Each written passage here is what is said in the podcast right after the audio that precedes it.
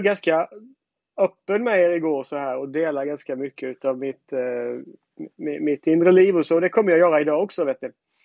Och det är lite grann skillnaden när jag gör sådana här seminarier också när vi har våra helande helger som vi kallar det jämfört med när jag talar på, på mer, som, mer som konferenstalare. För att när man har seminarier så här och man ses över längre tid så blir det på ett sätt en mindre intim, en mer intim liksom sättning på något sätt. Va? Det ju, blir ju så att du får ju en helt annan relationell touch på det. Va? Och, och, och, och då kan du gå mycket djupare också, dela mycket djupare. Och, och, och, så hjälper det att inte gå ut live på TV också, så det är inte allt man vill dela med vem som helst. Då. I och med att jag har varit med om att bli omskriven förut och sådär, så att jag, jag, ja, ni förstår, ni förstår poängen. Men eh, vi, vi, jag vet ju att Ola har talat om det här med Guds ödmjukhet och jag talade rätt mycket om ödmjukhet igår och, och, och, och eh, som jag förstod idag på förmiddagen så, så talade Stephen Hill om att vi är vi, vi förtjänar att ta emot eh, Faderns kärlek. Eh, därför att vi är söner och, och, och, och döttrar. Och, det, det, är det som är så genialt med evangeliet. Att allting är färdigt. Allting är liksom klart för oss och vi blir inkluderade i relationen med Far i, eh, i Kristus Jesus. Och, man kan säga att, att ett annat sätt att säga att du är rättfärdig det är ju att säga att du har kommit in i en rätt relation med far. Eh, eh, eller att säga Your innocence has been restored. Alltså din, din oskuld har blivit, har blivit återupprättat. Att du är oskyldig. Du är, det, det, när, när, du är tillsammans med far är det som att du aldrig har gjort något fel. Du aldrig har syndat. Du aldrig har... Så va? För att han ser den nya identiteten. Han, har, han, har inte, han inte bara ser dig som ny. Va? Ibland så brukar folk säga det till mig. Ja, jag vet att Gud ser mig som rättfärdig och helig, men jag är ju inte det, för jag känner ju mig själv. Och då brukar jag alltid säga, du vet, att om, om, om Fadern ser någonting på ett visst sätt, så är det som han ser det. Ja, allt annat är som bedrägeri. Va? Men det underbara är att när du vet att du har blivit gjord värdig, att du har blivit eh, liksom att, att du förtjänar Guds kärlek, att du, för, att, du har, att du har fått nåd, att du är rättfärdig, att du är helgjord. Det är ju att du behöver ju inte vara rädd för att bli exponerad eller rädd för att misslyckas eller rädd för din svaghet. Utan därför att du vet, alltså därför att det har landat i hjärtat. Inte bara här uppe, utan det landar här nere som en, som en uppenbaring. Att allt är okej. Okay, jag har frid med far. Vi, vi har fred tillsammans. Vi har, vi har det bra tillsammans. Då är jag ju fri till att vara transparent. Då är jag ju fri till att vara öppen. Och, och, och det är ju där vi kan få uppleva den här trösten och den här liksom eh, eh kärleken som han vill ge oss. Va? Och jag, jag tänkte fortsätta tala lite grann om det idag. För igår så vet ni att jag talade om det här med att han utväljer oss, inte baserat på våra meriter, utan han utväljer det som ingenting är, det som är svagt. Eh, och, och, jag skulle bara vilja fortsätta tala lite grann om, om de här sakerna. Eh, alltså alla människor är ju egentligen eh, ingen av oss har, har, har, har förtjänat Guds kärlek i vår egen kraft, utan Jesus har gjort hela jobbet för oss och inkluderar oss i den här kärleken från far. Eh, vi, vi, blir inte starka nog för att känna Gud. Vi blir svaga nog. Och en, en sak som, som jag vet ligger, ligger mycket över Father Out Ministry, som jag vet att, att, att som jag och Ola har pratat mycket om också, som jag vet att kommer upp på alla skolorna, det är ju det här med att få uppleva eh, uppleva Faderns tröst helt enkelt. Uppleva, uppleva tröst ifrån Gud. Och när vi läser Bibeln så går det inte speciellt länge innan vi inser att tröst är någonting som är, en, en, en, ligger på Guds hjärta. Det är någonting som är så starkt. Det är som vem han är. Alltså han, han är tröstare.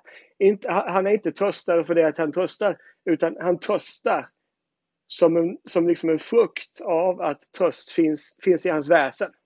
Det är en del av, av Faderns kärlek. Att han tröstar. Eh, och, och, och, många människor har aldrig lärt sig att få uppleva den här trösten på djupet. Eh, jag kan se, jag kan se konsekvensen utav det här i mitt liv väldigt påtagligt. Va?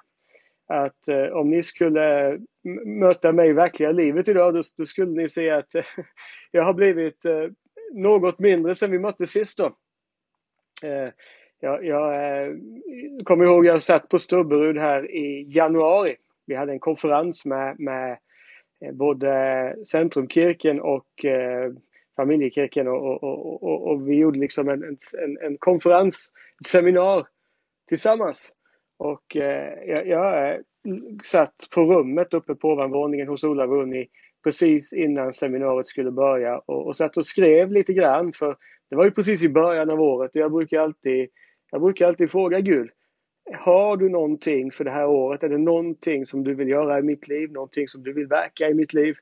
Och då, eh, då, bara, då bara kände jag att jag, jag, jag, det är vissa saker. Och en av de sakerna som jag, som jag bara såg att vi skulle liksom när jag skulle släppa in honom till att verka, det var ju det här med, med, med min vikt. Va? För att jag hade nått nya höjder om man säger så. Va? Jag hade liksom satt personligt rekord.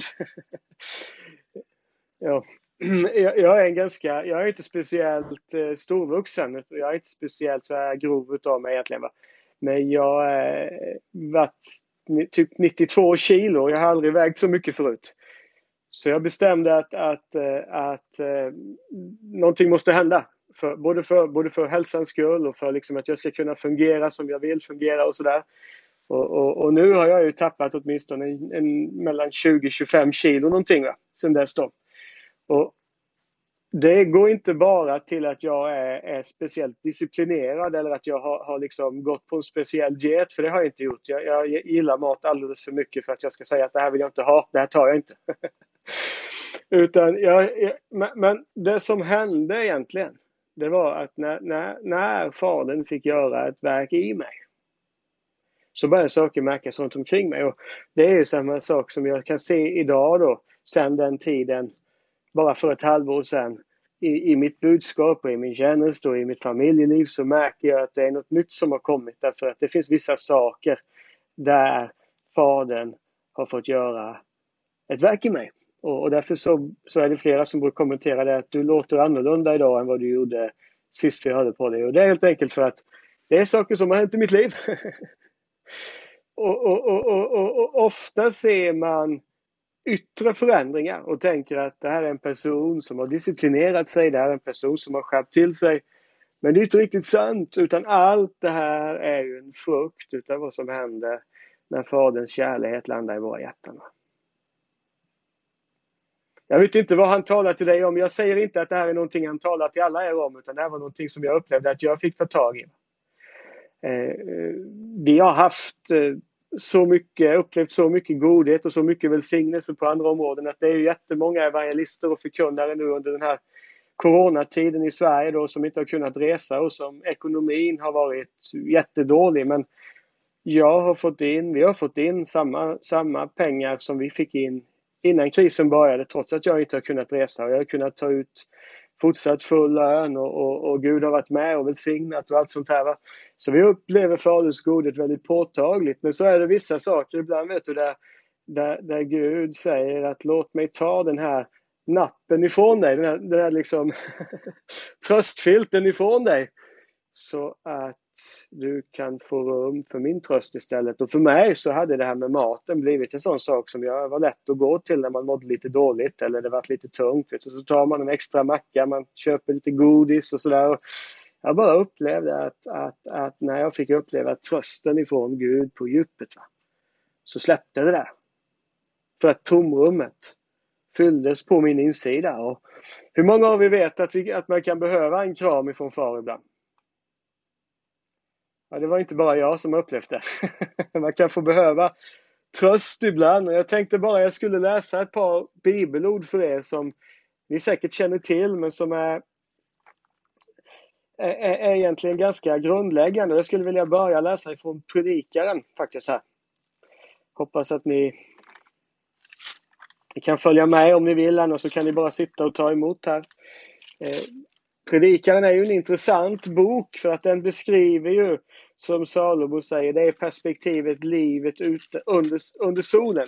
Alltså livet utan Gud egentligen, om, om det inte fanns mer av den här världen, om inte det fanns mer utav den här eh, än det vi har eh, och, och, och, och se och röra vid. Då så konstaterar han att allt är fåfängligt, allt är liksom förgängligt, allt är egentligen värdelöst, säger han. Utan Gud. Men därför att vi har far så är allt inte värdelöst för oss. Men då, då, då, skulle jag vilja läsa bara ifrån Predikaren kapitel 4, vers 1 till och med 4 så står det så här. Vidare såg jag de våldsdåd som begås under solen. Jag såg tårarna hos de förtryckta och ingen tröstade dem. Från förtryckarnas hand utgick våld och ingen tröstade dem. Då prisade jag de döda som redan dött, lyckligare än de levande som ännu levde. Men lyckligare än de båda prisar jag den som ännu ej blivit till, den som ej sett det onda som görs under solen. Jag såg att all möda och framgång i arbetet beror på den enes avund mot den andra. Också detta är fåfänglighet och ett jagande efter vind. Är inte det här ett deprimerande bibelställe att börja en undervisning med? Det står här att eh, våldsdåd begås under solen och jag såg tårarna hos de förtryckta och ingen tröstade dem. Från förtryckarnas hand utgick våld och ingen tröstade dem. Då prisade jag de döda som redan dött, lyckligare än den levande som ännu levde. Det här beskriver vad som händer när man har ett tröstlöst hjärta. Nämligen det att livet blir inte en gåva då, utan livet blir en, för, en förbannelse. Och hur många, utav, hur många människor idag, hur många kristna, härligt frälsta bröder och systrar idag lever under förtryck utan att ha fått uppleva tröst på djupet. Det finns många kristna och jag, jag, hoppas att ni hör det här i rätt ande, för jag, det är väldigt få som... Alltså jag, är, jag är helt för att röra mig i en massa olika kristna sammanhang. Jag predikar i allt från trosbevägelsen till ortodoxa kyrkan. Va? Så jag, jag rör mig i de flesta kristna sammanhang. Men överallt så möter jag kristna som är väldigt fina, väldigt underbara, överlåtna, hängivna, brinnande, bedjande, evangeliserande och som har lärt sig att göra väldigt mycket för Gud men som inte har lärt sig att ta emot tröst i hjärtat. Vet du vad som händer då? Då blir ju livet ingen välsignelse utan en förbannelse. För du kommer uppleva att det blir tommare och tommare här inne. Jag ska inte göra, vi ska inte göra någon handuppräckning på det nu, men jag tror att det kan finnas de av er som sitter och lyssnar här som har gjort den upplevelsen att ni hör att eh, Jesus har ju lovat mig ett underbart liv. Så men när jag, om det är det här är det, det kristna livet han har lovat mig så är det inte så underbart som man säger. Så kan vi uppleva det i Sverige ibland i alla fall. Jag vet inte hur ni har det i, i Norge. Eh, nej, det är klart. Ni har ju mer olja i Norge än vad vi har i Sverige, eller? Men poängen är den att det här förtrycket, förtryckarna, det kan vara en massa olika saker. Det kan vara jobbigt äktenskap jobbig relation med barnen, besvikelse, eh, synd, demoniskt betryck, en massa olika saker som lägger sig va, över en. Och så finns det en massa tårar och en massa smärta men ingen tröstare. Eh, eh, hela evangeliet bygger ju på att vi är mottagare. Ödmjukhet bygger ju på att vi tar emot Faderns självutgivande kärlek i Kristus Jesus. Och, och, och, och, många gånger så, därför att man kanske har vuxit upp med en massa blockeringar och vuxit upp med en massa sådana här saker, så kan det vara svårt att ta emot tröst. Det är därför det var så viktigt, det som Stephen Hill talade om här på förmiddagen, om att du förtjänar Faderns kärlek. Annars så kommer du alltid leva med den här känslan av, den här födelsen av att ja, han kanske tröstar mig, men jag har inte riktigt förtjänat det. Jag tror jag sa det igår, att ibland lever vi så. Va? Att ja, jag vet ju att Gud älskar mig. Alltså han vill egentligen inte, men så har han nåd med mig. Va? För han är god. men sanningen är den sannheten. Den är att du är både gjord heliggjort, du är fullkomnad, du är god och godkänd i Kristus Jesus. Du förtjänar Faderns kärlek, du förtjänar Faderns tröst. Och därför så i Jesaja 40 och framåt, som ju kallas trösteboken, så börjar Jesaja med att ropa ut Faderns hjärta när han säger Trösta, trösta mitt folk. Förkunna för det att dess vedermöda är över och att de har fått dubbelt igen för sina synder.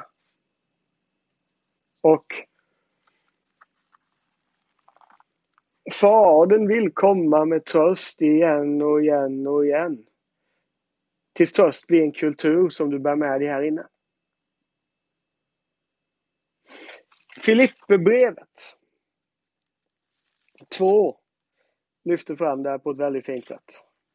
Och jag kommer komma tillbaka till den här texten under senare pass också, men det finns en sak som vi ofta missar här. Här står det i Filipperbrevet 2, vers 1. Att om ni nu har tröst hos Kristus, uppmuntran av hans kärlek och gemenskap i anden, av medkänsla och barmhärtighet betyder något, gör då min glädje fullkomlig genom att ha samma sinnelag och samma kärlek och genom att vara ett i själ och sinne. Eh, och så känner ni ju till Andra Korinthierbrevet 1 där det står att eh, Välsignad vare vår Herre Jesu Kristi Gud och Fader, barmhärtighetens Fader och all trösts Gud. Alltså den tröst som vi får tag på i Kristus kommer från Far. Därför att all tröst kommer ifrån Far. Och det är ju därför den, he den helige Ond också kallas våran tröstare. Därför att han tar det som Jesus säger och betjänar oss med det. Och det som Jesus säger, säger han för att han har fått det ifrån Fadern. Står det i Johannes 16. Så att i Kristus, i sönnekåret, i sonskapet, så finns tröst ifrån Far. Och den här trösten är inte någonting som Fadern vill att du bara ska ha nu och då. Att när något riktigt tufft händer dig så ska du få uppleva tröst. Utan han vill att tröst ska vara en, en livsstil för dig. Där du varje dag kan få uppleva den här trösten och få uppleva den här läkedomen. Och, eh, jag, jag, hade ett genombrott i det här. Jag ska dela lite grann om det här. Jag började ju vara ganska transparent igår. Jag tänker jag ska fortsätta på det spåret här. Jag hade ju en, eh, en upplevelse som egentligen började under ett par månader förra våren 2019. När jag började uppleva hur, hur, hur liksom någonting nytt började hända i mitt liv. Och det, var, det var, hade väldigt mycket att göra med Faderns tröst. Eh, det var som att någon gång i februari så började det som kännas här inne att, att, att, att, att, att, eh, Fadern jobbade. Bara. Jag visste liksom, jag kan inte förklara varför. Men jag har lärt mig att, att känna en skillnad på när den helige Ande verkar, när Jesus verkar och när Fadern verkar. Och, eh, jag menar, de har ju det här, den här dynamiken i treenigheten, att de älskar att lyfta varandra, eller hur? För att so, sonens hjärta, sonnehjärtat, sonnekåret bygger ju på att man vill att Faderns namn ska bli förhärligat. Men ni får inte glömma att Faderns hjärta är att, att lyfta upp och vara stolt över och glädjas över att Sonen blir synlig. Och den heliga Ande finns som en brinnande kärlekslåga, brukar man säga, emellan far och son. Medan de sitter ansikte i ansikte i den himmelska världen. Och det här är någonting som, är, som blir så starkt i det. Va? Jag bara visste att Fadern jobbade. Jag visste att det var någonting som var på gång. Och jag kände att det fanns olika genombrott som var på väg att ske i mitt inre. Och jag höll på att jobba och jobba och jobba och jobba. Och jag, jag eh, upplevde i slutet av april förra året hur det här bröt igenom. Det var så jag brukar ha soakingbön en stund varje morgon. Och jag, jag hade haft min, min bibelläsning och min soaking och så gick jag ner och satte mig på soffan i vardagsrummet och jag kommer ihåg Linda höll på att dammsuga där nere och, och dottern satt och tittade på någon tecknad serie och barnen, eller pojkarna hade gått till skolan. Så jag sätter mig på soffan och helt plötsligt så bara känner jag att nu brister det. Och jag, jag börjar gråta. och jag höll, på i, jag höll på en vecka, jag grät och jag, jag, kom, jag skulle iväg och predika. på en konferens. Jag var där på konferensen och predikade. Jag grät innan mötena och så predikade jag och så fick jag uppleva glädje och frihet och människor blev frälst och helbredet och genomupprättat. Sen efter mötet så gick jag upp på rummet igen och så fortsatte jag gråta. Mm.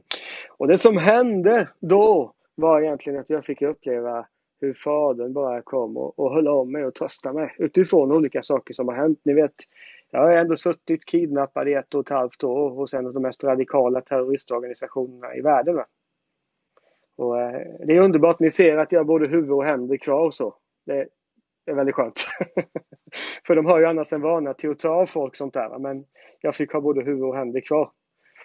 Så eh, men däremot på insidan så kommer, kämpar man med olika saker. Jag har varit en del, del posttraumatisk stress och olika sådana här saker som låg här liksom begravt och bedövat i mitt inre. Och dessutom så är det ju, ni vet, det är underbart att stå i tjänste. Men det är inte alltid bara underbart. Ibland är det väldigt tufft också. Ja, och det var en del olika saker som har hänt genom åren där goda vänner till mig hade på något sätt vänt sig emot mig och ringt runt och, och kanske baktalat våran tjänst och sådär. Är det någonting som jag inte är så är det ju, alltså jag gillar inte att strida, va? jag gillar inte att debattera, jag gillar inte sånt där utan jag, jag backar hellre och så låter folk prata och sådär. Och ibland kanske man är för snäll på folk också, att man borde ibland säga ifrån mer än vad man gör.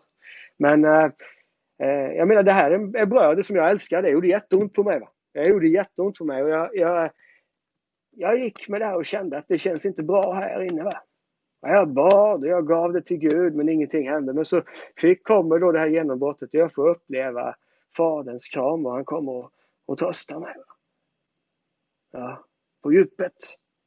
Och jag upplevde efter det hur den här tomheten försvann. Och min fru sa till mig att det märks som skillnad på dig nu för du är mycket lättare på insidan än vad du varit tidigare. Mm. Jag har alltid upplevt, jag tror att alla som känner mig och har mött mig vet att är det någonting jag älskar att prata om så är det om Guds kärlek. Och jag älskar att prata om liksom nåden och friheten i evangeliet och allt sånt här. Men det här med trösten var någonting som Gud kommer på ett djupare plan. Jag har upplevt det tidigare också men inte haft ord på det på samma sätt. Men nu landade det. Va? Och jag fick uppleva på djupet bara hur, hur, hur, hur, hur, hur Gud kom, hur Fadern kom och kramade om mig och bara Kommer tröst in i mitt liv du vet, det kräver en viss ödmjukhet där. Det är därför det här med ödmjukhet är så viktigt. För det är att en människa som är stolt kommer aldrig erkänna sitt behov av tröst. Det är därför ibland som kristna människor, de blir så sint, vet du, då säger ni arg på, på den här typen av undervisning därför att det exponerar vad som finns i hjärtat. Och har du icke, inte lärt dig att ta emot den här trösten så är ju risken att du bara trycker undan det och kör på ändå. Och du kan till och med bygga en teologi på det. Det är ju därför så mycket teologi handlar om att Jesus ska komma och ta oss härifrån. Men evangeliet, Jesus lärde oss aldrig att vi skulle be och få komma härifrån. Han bad, tillkommer ditt rike, ske din vilja så som i himlen så på jorden. Det nya Jerusalem kommer ner från himlen ner på jorden, står det i Uppenbarelseboken. Ja. Det står inte att vi har fått ett hopp som handlar om att vi flyr undan livet. Utan vi har fått ett hopp, vi har fått en välsignelse, vi har fått ett löfte om ett liv och liv i överflöd. Och vad som händer när en person blir tröstad på djupet, det är att då förändras både teologin och perspektivet på livet. Ja. Alltså livet är en gåva. Gud är inte gnostiker, det vill säga Gud sitter inte och tittar på ditt liv och hatar ditt liv och vill ta dig bort ifrån ditt liv. Han vill möta dig mitt i din vardag. Han vill möta dig mitt i det du står i. I dina hobbys, i dina intressen, i ditt familjeliv. Där finns en nedslagsplats för hans tröst. Ja. Men det jag brukar kalla en tröstlös teologi kommer alltid leda till att du föraktar livet och att du vill fly undan och att du ser på allting som väldigt mörkt och väldigt jobbigt.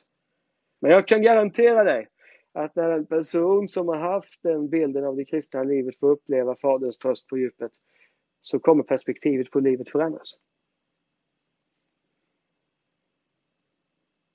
Mm. Det är ganska, det är ganska starkt. För livet är en gåva till dig. Fadern har inte gett dig liv för att plåga dig. Han har gett dig liv för att du ska vandra med honom och för att ni ska leva tillsammans. Och vad som händer när man tar emot Faderns tröst, det är att det byggs en kultur här inne. Vet ni. Såg ni vad vi läste här? Om ni nu har tröst hos Kristus, uppmuntran av hans kärlek och gemenskap i anden och medkänsla och barmhärtighet betyder något. Gör då min glädje fullkomlig genom att ha samma sinnelag och samma kärlek och genom att vara ett i själ och sinne. Du vet, när han tröstar dig så kommer tröst, uppmuntran och gemenskap bli en jättekultur på insidan. Kan du se det? Hur du vaknar upp tröstad, uppmuntrad och glad över gemenskapen med far.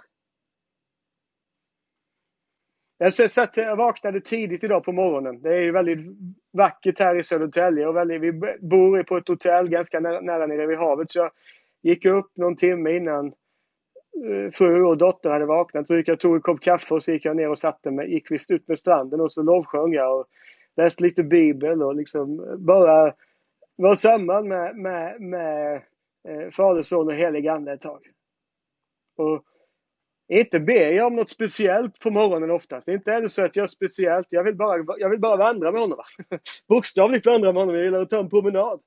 Men i den relationen så har jag upplevt att det finns så mycket uppmuntran, så mycket tröst och så mycket, mycket, mycket gemenskap. Då faller alla de här andra motiven som man har haft för det kristna livet. Ni som följde mig i Bibeln här, ni såg ju att vi läste i Predikaren att den enes framgång i arbetet beror inte på annat än den enes avund mot den andra. Läste vi. Och det betyder inte att det är fel att ha framgång i arbetet. Gud vill ge dig framgång och upphöjelse och välsignelse. Det är bra att ha vision för nya saker. Men det finns någonting i det här att de här felaktiga motiven, det här behovet utav bekräftelse, det här behovet utav erkännande faller när du har blivit tröstad på djupet. Mm. Därför att det finns inte längre något tomrum som blir en laddningsplats för de här sakerna. Och därför så säger så saliga är de som sörjer, de ska bli tröstade. Men ni känner ju säkert till en massa människor som sörjer som inte har fått uppleva tröst. Har ni varit med om det någon gång? Vi hade en jättetragisk situation i, i vår menighet för, ett, för något år sedan. Där det var en broder som, han dog besviken och bitter. Eh, ju längre han levde, ju bittrare och ju mer besviken blev han. Och till slut så var det ingen som var bra nog för att vara runt omkring honom. Och folk, hans familj försökte röra vid honom. De försökte nå honom. Men det blev bara svårare och svårare för att han fastnade i bitterhet och besvikelse. Och jag sa många gånger till honom, vet du, att fadern står med öppna armar och vill krama om det. Han vill bara älska det. Han vill bara ta det här bort. Va? Om du släpper besvikelsen och bitterheten och oförlåtelsen och bara tillger. Inte för att de här människorna har förtjänat det, men för att du förtjänar att leva fri och tröstad. Men han vill inte det.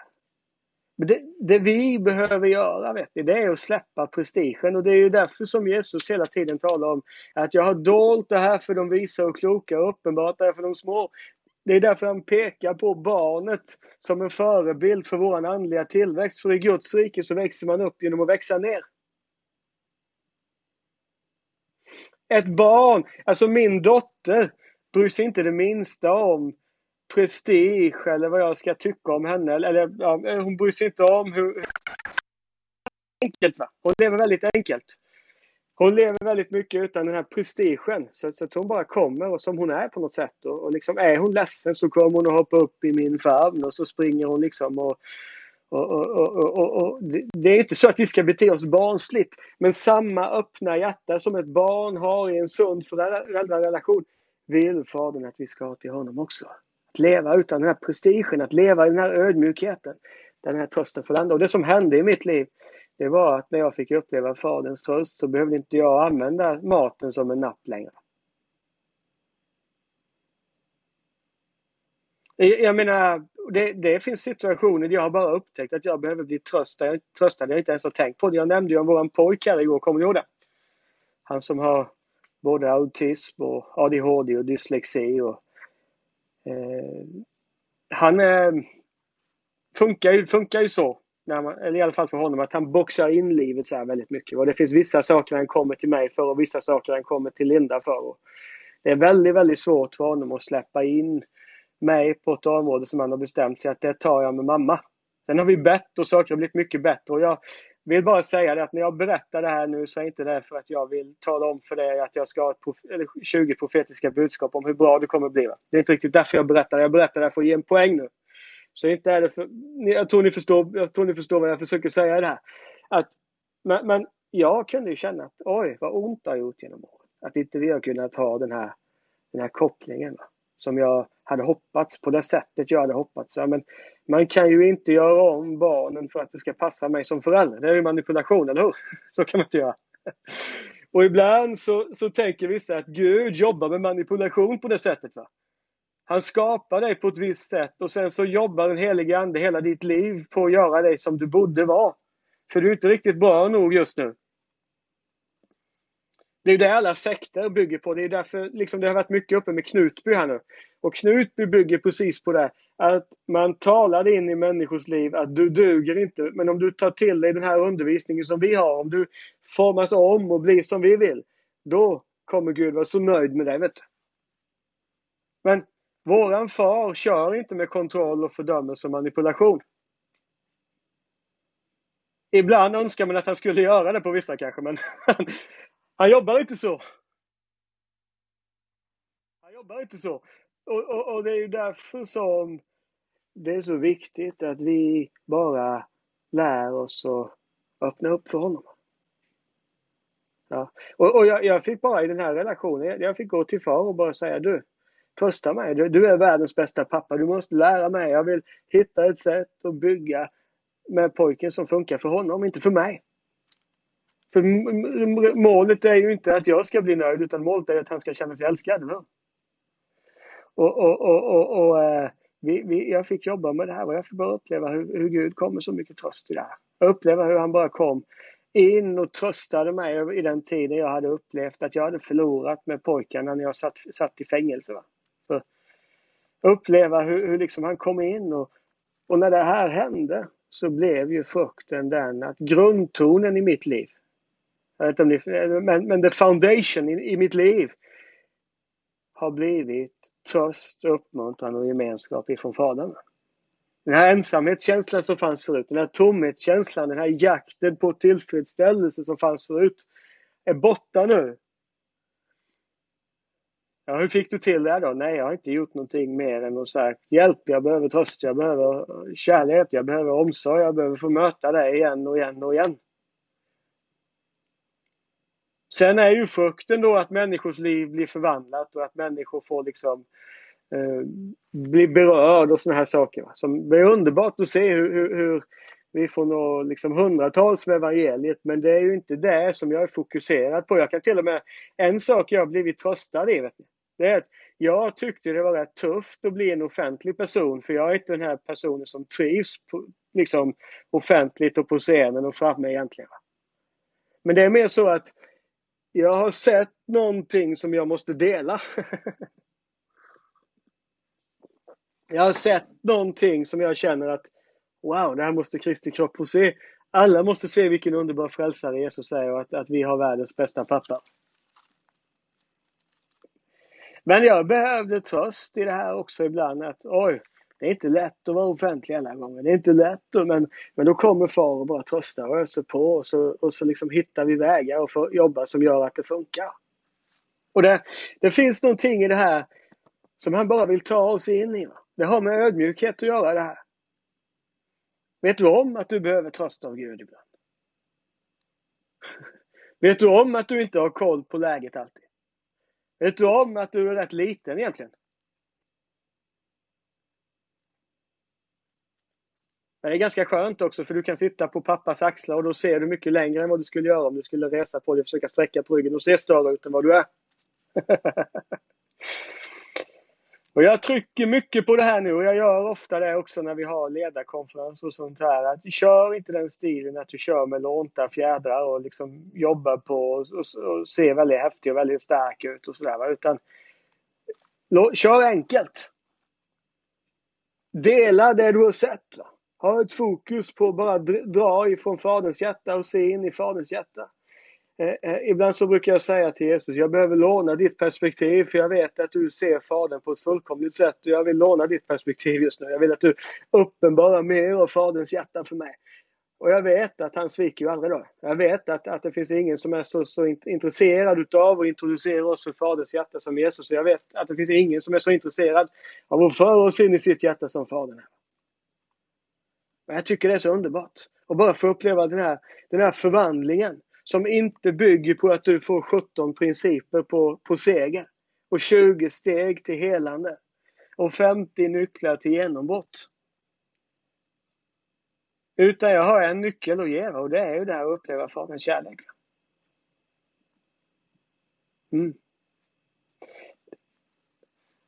Det är att uppleva den här beröringen på insidan så kommer ditt liv förvandlas som en frukt av det.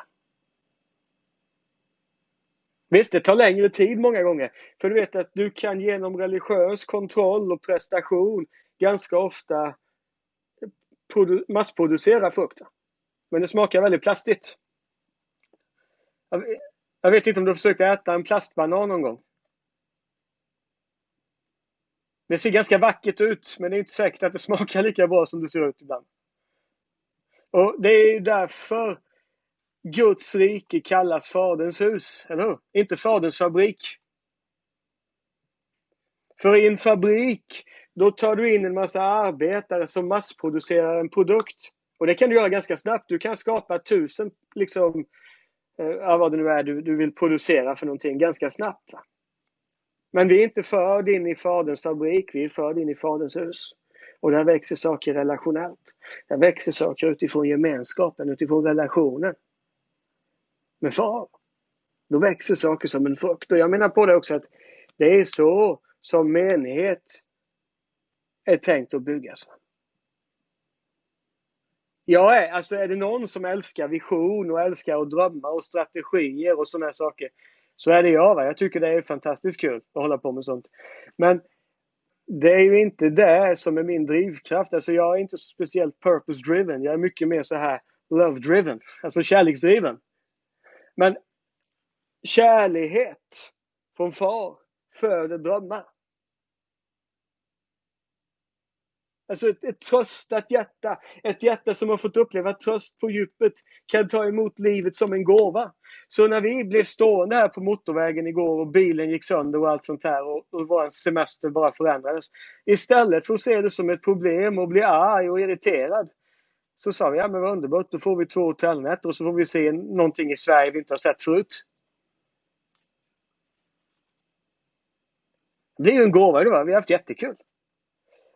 Men förut så hade jag tyckt det hade varit jättejobbigt. Hur blir det med det här och hur ska det gå med pengarna och hur ska det gå med alla saker runt omkring och så. Jag menar inte att man ska vara dum va?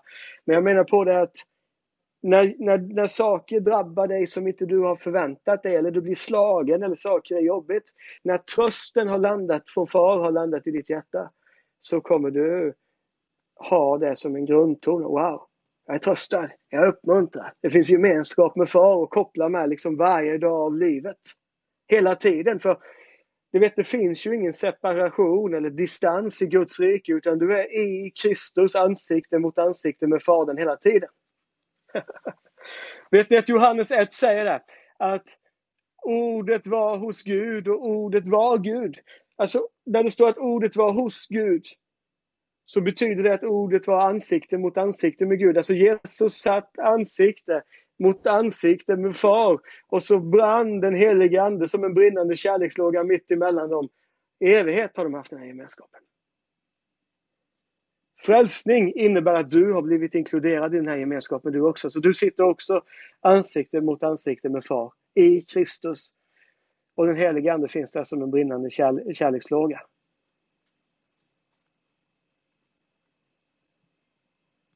Det är ganska bra vet du.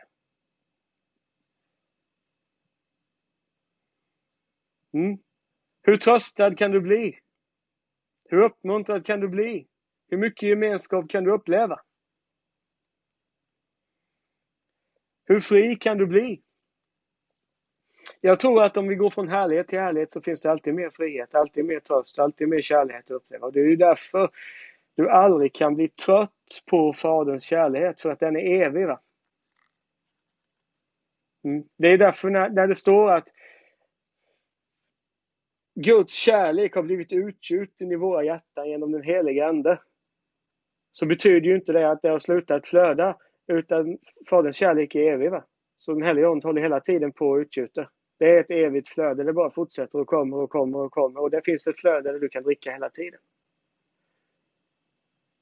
Och någonstans så upplever jag att, eller jag känner bara så tydligt att Far vill att det här ska bli en livsstil där det blir som ett självtryck i, vår, i, vår, i vårt inre. Att våran själ, vårt känsloliv, vårt viljeliv, vårt tankeliv är så vänt mot honom att det blir helt naturligt.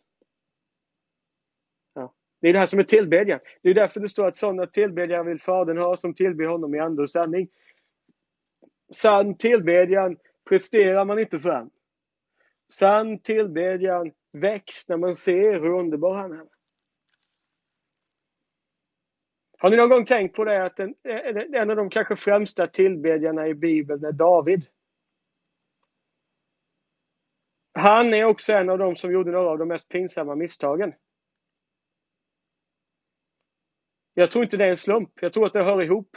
Därför att jag tror att när en människa blir, blir medveten om sitt eget behov, sin egen svaghet, sin egen brist och i det möter Faderns kärlek så kommer man att tillbedja.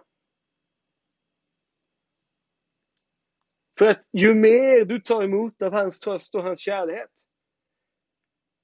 ju mer kommer du vilja tillbe honom. Det är därför jag inte är rädd. Ibland säger människor till, människor till mig så här. Att om du talar om det här med Faderns kärlek eller Guds nåd eller allt som vi har i Kristus. Så kommer människor bli passiva. Och då brukar jag säga, vi kan slå vad du och jag. Säger jag ibland. Att om du har två veckor där du ligger hemma på soffan och bara dricker av Faderns kärlek. Och så försöker du vara passiv och inte berätta för någon om det här. Om du kan klara det så får du 500 kronor av mig. Alltså inte svenska kronor då, utan norska kronor. Det blir, det blir mer då, vet ni. Men eh, po poängen är att det, det, kan man inte. För att när trösten och uppmuntran från far landar i ditt hjärta så kommer det förändra ditt liv. Det går på automatik. Det kristna livet är ingenting du producerar och skapar egen kraft. Det växer fram när vi lever i ett ödmjukt mottagande från Fadern. Det var ju därför som den här undervisningen om soaking slog igenom samtidigt som Faderns hjärta slog igenom i Toronto. För vad soaking handlar om egentligen, det handlar ju om att jag lägger mig på mattan och gör ingenting. Och det är svårare för folk att ligga på mattan och göra ingenting än att kriga i bön själv. Många gånger. Därför att vi är van att göra saker för att få kontroll. Och det, det, är inte fel att kriga. Jag älskar att be och gå in i bön och känna bara flödet i bönesmörjelsen. Och jag ska ut här nu liksom, och gå bönepromenad ikväll. Förhoppningsvis hemma hos mamma då om bilen är fixad. Vi får se hur det går. Eller så gör jag det här. Jag, jag älskar och be. Men det är inte liksom nu ska jag få tag på nästa salvelse, nu ska jag få tag på mer utav så va. Det finns där, men det finns utifrån att jag lever i ett mottagande utav hans kärlek och hans tröst och hans närvaro.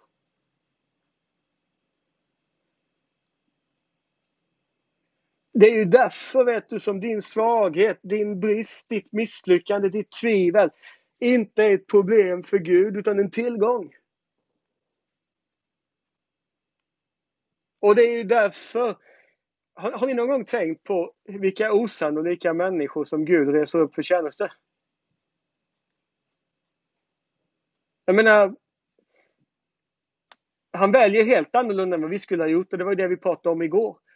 Varför är det så? Därför att människor som inte har några naturliga förutsättningar till att lyckas måste leva i ett beroende utav hans kärlek och hans nåde. Och du vet, det här är någonting som vi måste inta igen och igen och igen. Jag och min fru, vi ber nästan varje dag. Far, beskydda oss från att vara experter. Hjälp oss att växa ner ännu mer. Hjälp oss att leva som ännu mer mottagare. Gör oss nyfikna på livet. Hjälp oss att se hela livet med dig som ett enda stort äventyr. Där du får göra vad du vill.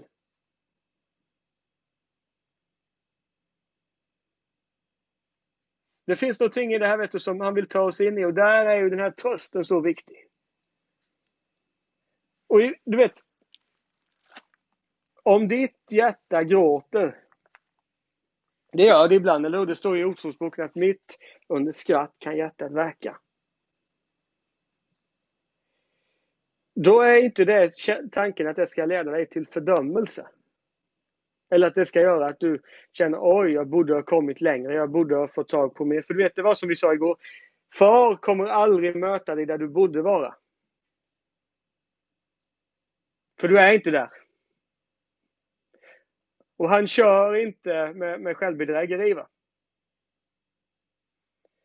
Det är ju därför som du vet de här bilderna, idealbilderna utav det kristna livet, det kommer ju inte från livets träd utan det kommer ju med, från trädet med kunskap om gott och ont, eller hur? För du har liksom matat dig med undervisning och så vet du hur ditt liv borde se ut. Vet, har du varit med om det någon gång? Det, det, är därför som något av det värsta som finns ibland är när, när kristna par som har det jobbigt läser en kristen bok om, om äktenskapet. För då läser de om hur ett kristet äktenskap borde se ut. Och så konstaterar de, oj, så har ju inte vi det. Min man beter sig inte som en gudsman skulle göra. Min fru är inte den här liksom, hon är inte som i Ordspråksboken 31. Va? Utan, utan, och så, och så liksom börjar man jämföra sitt eget äktenskap mot av hur det borde vara. Sin egen tjänst mot av hur det borde vara. Sitt eget liv mot av hur det borde vara. Men poängen är att det är ju inte med dig som det borde vara just nu. Kanske du tycker. Och anledningen till att du tycker så, det är för att du ätit från trädet med kunskap om gott och ont. Om du äter livets träd, vet du, så innebär det att du får del av livet i Kristus tillsammans med Far nu. Han möter dig där du är. Jag menar, jag har en dotter här som vi har med oss nu. Hon är fyra år. Jag talar inte till henne som om hon borde vara 13. Det vore grymt mot henne. Jag talar inte henne som jag gör till våran tioåring. Det vore grymt mot henne. Utan jag vill möta henne där hon är. Och det är ju min uppgift som förälder att connecta med henne där hon är. Nej. Det kom room service här mitt i alltihop också. Eh, eh, eh, eh jag, jag, kan, jag, jag connectar inte med min dotter som jag connectar med min tioåring. Utan jag connectar med henne som jag gör med henne. Va? Och tänk om du kunde släppa alla borden och måsten om det kristna livet och bara säga för. Det är här jag är just nu.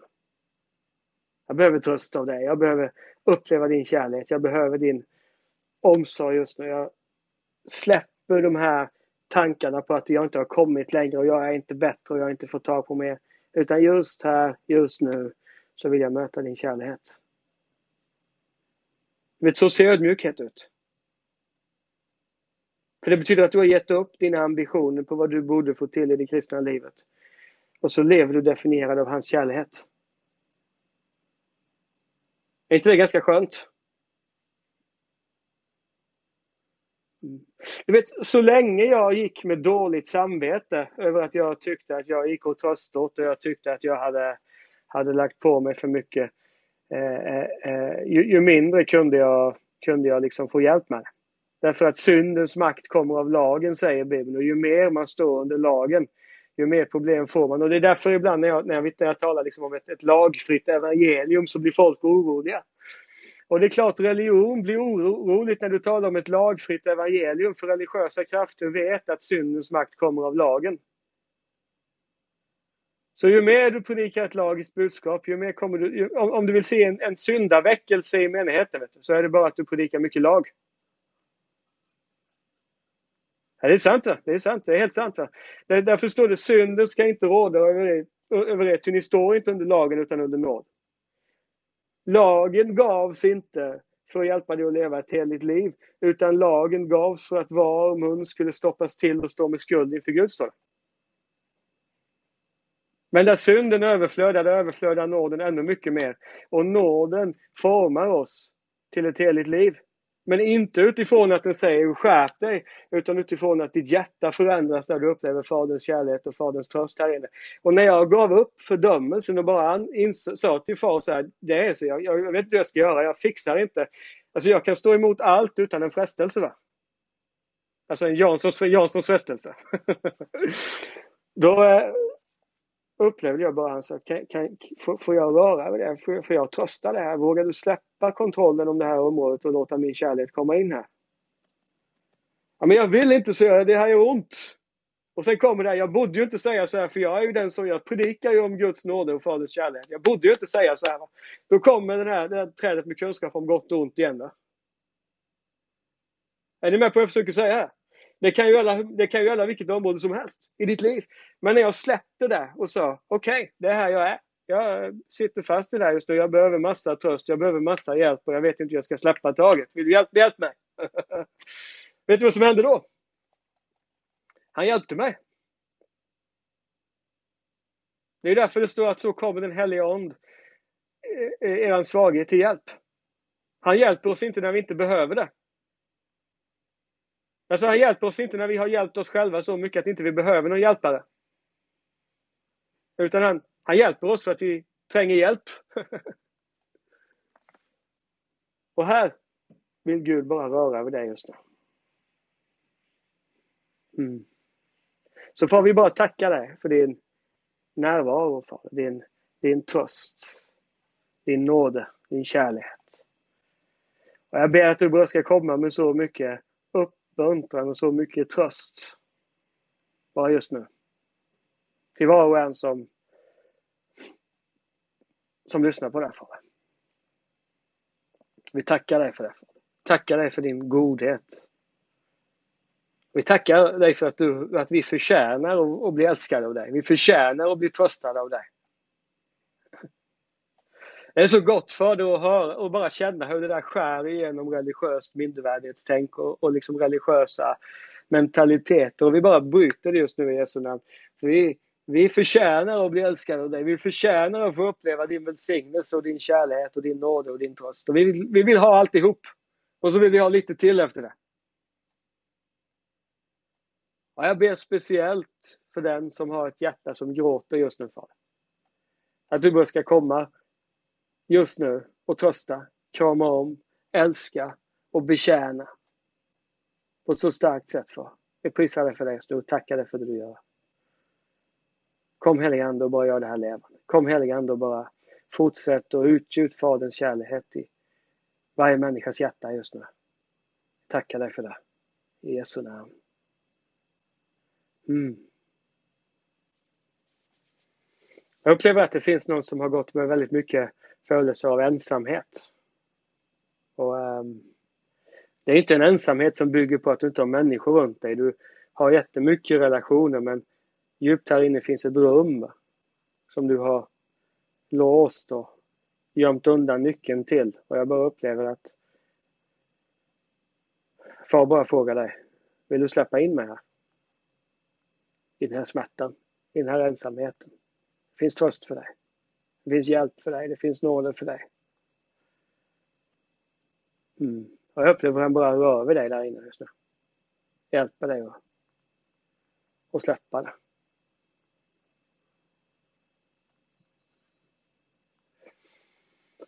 Det finns ett par stycken som sitter och lyssnar på det här som Gud bara tar in igen.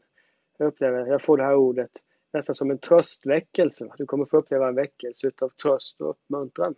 För du har upplevt så mycket annat i det kristna livet. Jag upplever att Det är som att far tar dig in på ett himmelskt rehab. Vet du. Men inte ett rehab för att du har suttit fast i rusmissbruk och så, utan för att du har suttit fast i så mycket tröstlöshet och missmod. Han vill döpa dig i sin tröst och sitt hopp och sin kärlek. Och jag upplever att du kommer bara få, få gå in i en sån tid väldigt starkt just nu. Du kan redan känna hur du börjar jobba i hjärtat på det, upplever jag.